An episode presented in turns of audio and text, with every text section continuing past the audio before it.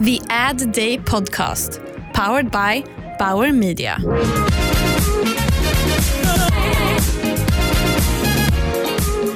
Hej och välkommen till Ad Day-podden som produceras av Bauer Media. Mitt namn är Louise Pettersson och jag läser strategisk kommunikation på Bergs här i Stockholm. Jag kommer idag att träffa ett antal inspiratörer och prata om vad mod och att våga innebär för dem i deras verksamheter. Nu sitter jag här i Bauers bås tillsammans med Åsa Sonemy som är CEO på modermärket Hope.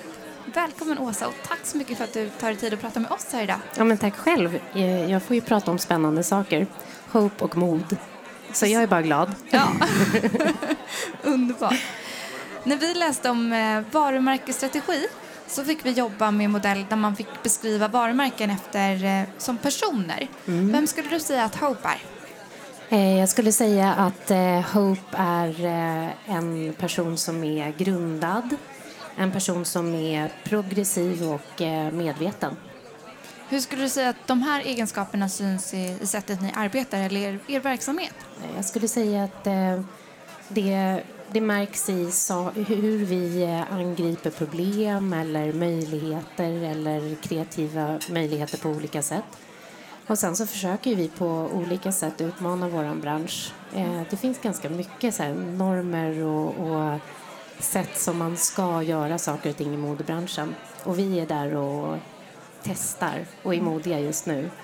Ett sånt exempel är att ni, ni vill ju hylla individen och sudda ut eh, gränserna, speciellt så här manligt och, och kvinnligt. Och eh, ni släppte ju ganska nyligen, eller för ett år sedan ungefär, eh, Change, eh, den könsneutrala kollektionen. Ja, changes. Precis, Changes, förlåt. Eh, hur gick eh, tankegångarna innan ni, hur kom ni på det? När Hope startade 2001 så levererade ju vi, eller det Ann och Stefan som grundade Hope ville göra, det var att de ville ge kvinnor ett mode som var väldigt inspirerad utav herrmode. Eh, Och idag så är det ju som så att det är inte särskilt ovanligt. Det är väldigt många modeföretag som gör just det.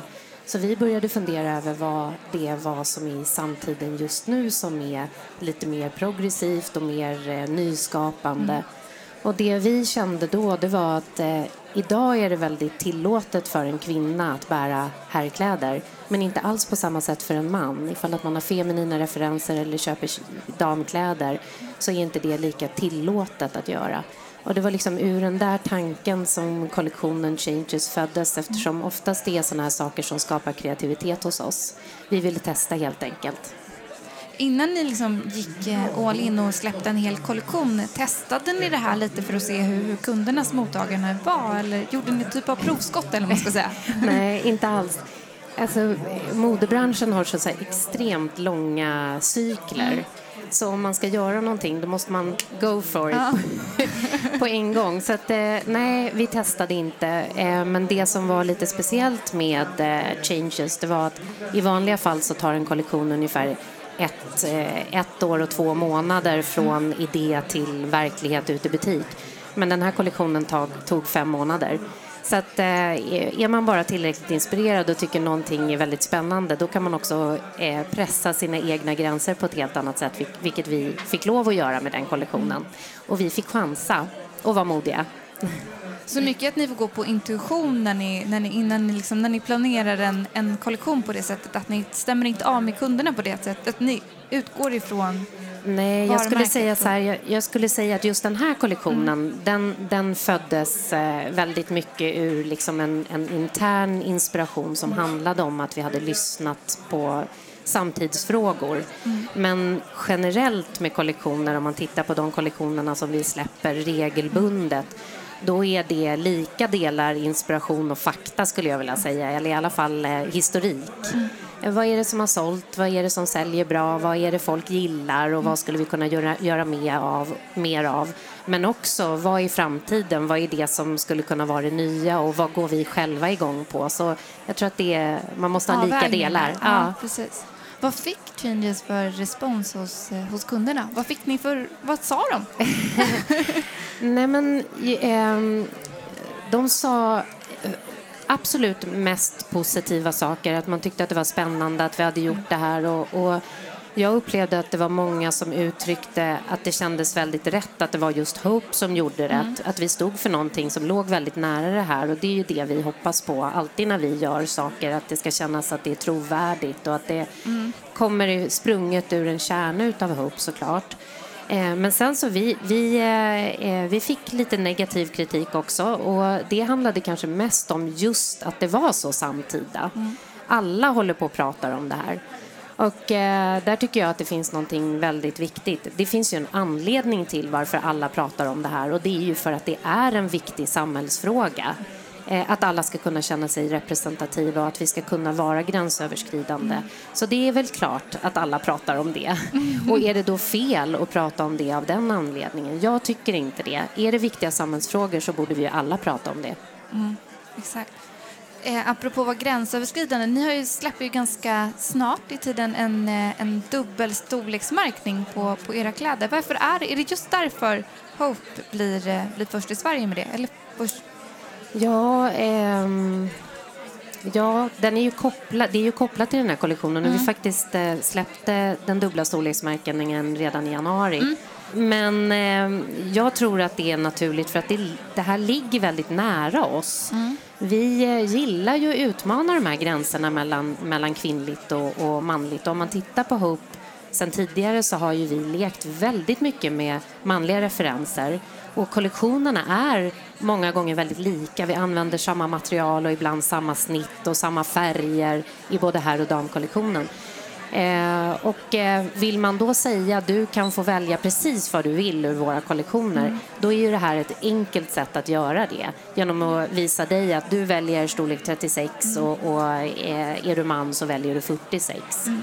Att köpa kläder i i e-handel kontra butik, tror du att det är lättare att göra det, att, att liksom marknadsföra den här produkten i, om man får, får testa i, i en butiksupplevelse snarare än att man, man köper jag vet inte. Jag tror kanske att en sån här kollektion attraherar unga människor ja. mer. De har ju kommit mycket längre än vad jag har gjort till exempel. Mm. eh, och eftersom unga människor har en tendens att köpa mer och mer på nätet så kanske av den anledningen men, men eh, jag tror att vi fortfarande har ett jobb i att utbilda kring vårt storlekssystem ja. så att man förstår det fullt ut. Där har vi liksom inte kommit hela vägen. Och som sagt var, vi lanserade storlekssystemet i januari mm. så det har inte gått så lång tid. Tror du att den här att svenska marknaden är mer mogen för en sån här satsning eller de tidigare kollektionerna som du berättade om?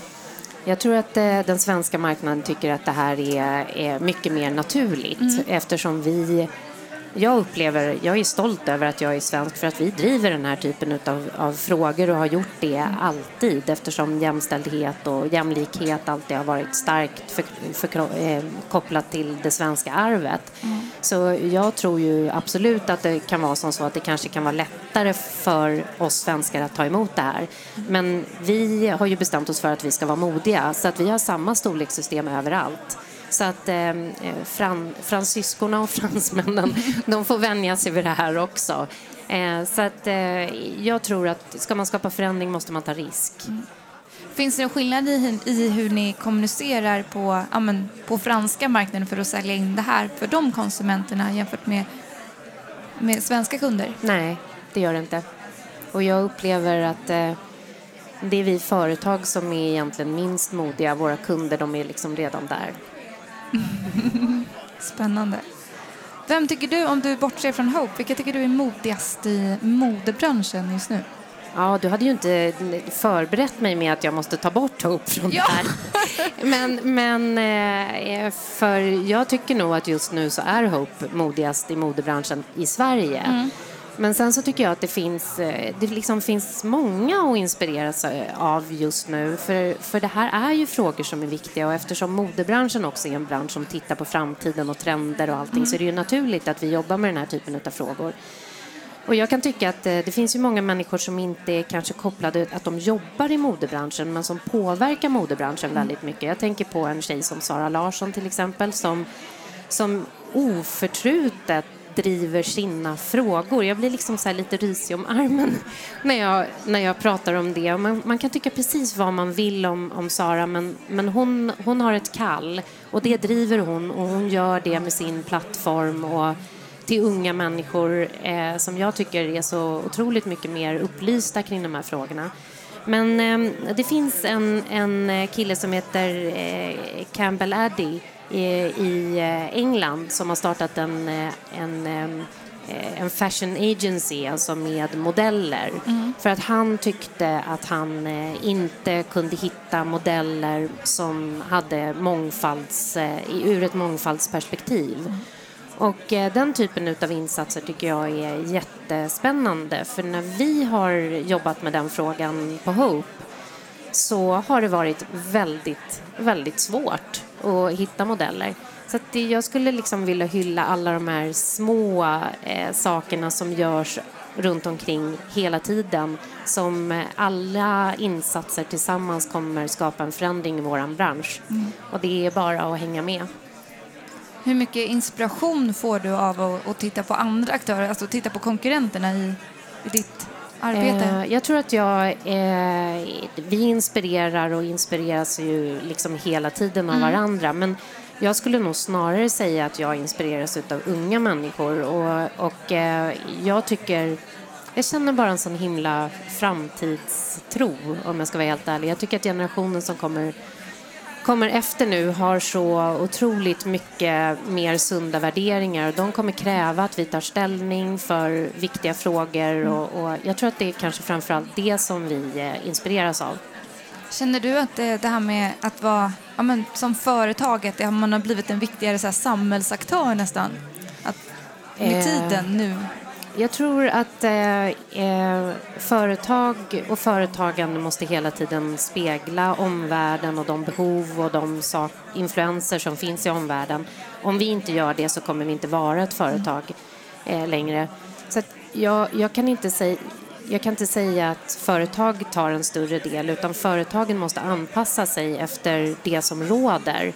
Och eh, dessutom ser det som så att vi krigar ju hela tiden om att få de absolut bästa människorna att jobba i våra företag. De mest passionerade, de mest eh, innovativa människorna.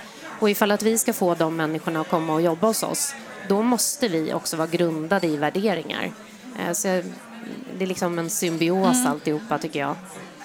Och jag måste säga det att jag behöver det också. Jag behöver det eh, för att orka. Vi kämpar alla. Det är en tuff marknad för alla företag just nu. Och då behöver vi någonting, någon, något som griper hjärtat för att vi ska orka gå till jobbet och jobba med engagemang och passion varje dag. Är det någonting speciellt du tänker på just nu som får dig att som driver ditt arbete just nu? Någon speciell fråga? Ja, eller? Nej, men alltså jag tycker eh, mångfaldsfrågan är extremt eh, viktig. Jag, mm. jag tycker att vi, eh, vi har jättemycket positivt kring det som händer i samhället men vi har också ganska mycket som, som inte är positivt och som arbetar mot det. Och eh, de här två motpolerna och allting som händer emellan och, och det, det, är liksom det som jag går igång på just nu. Så när vi får jobba med de frågorna och när jag har medarbetare som sitter och diskuterar de här frågorna mm. runt eh, vårt lunchbord och, och är engagerade och modiga, då blir jag liksom då blir jag lycklig. och är jag lycklig så kan jag jobba hårt.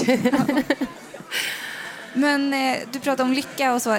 Vad skulle du ge för råd till, är det det rådet du skulle ge till en, en snart nyexaminerad student som ska ut och börja jobba, att man ska gå efter det man, man brinner för? Ja, jag tror att det är jätteviktigt att man går det för, för det man brinner om. Jag tror också att det är skitviktigt att jobba jädrigt hårt. Mm. Eh, och eh, saker och ting kommer liksom inte till en själv bara sådär. Men om man jobbar hårt och om man gör det med passion, då kommer man lyckas. Så är det bara. Bra. Tack så jättemycket Åsa och ja. Eh, lycka till eh, med ditt tal senare idag ja, och få höra mer om dubbel storleksmärkning ja. bland annat. Yes. Jättekul. Tack, tack så mycket.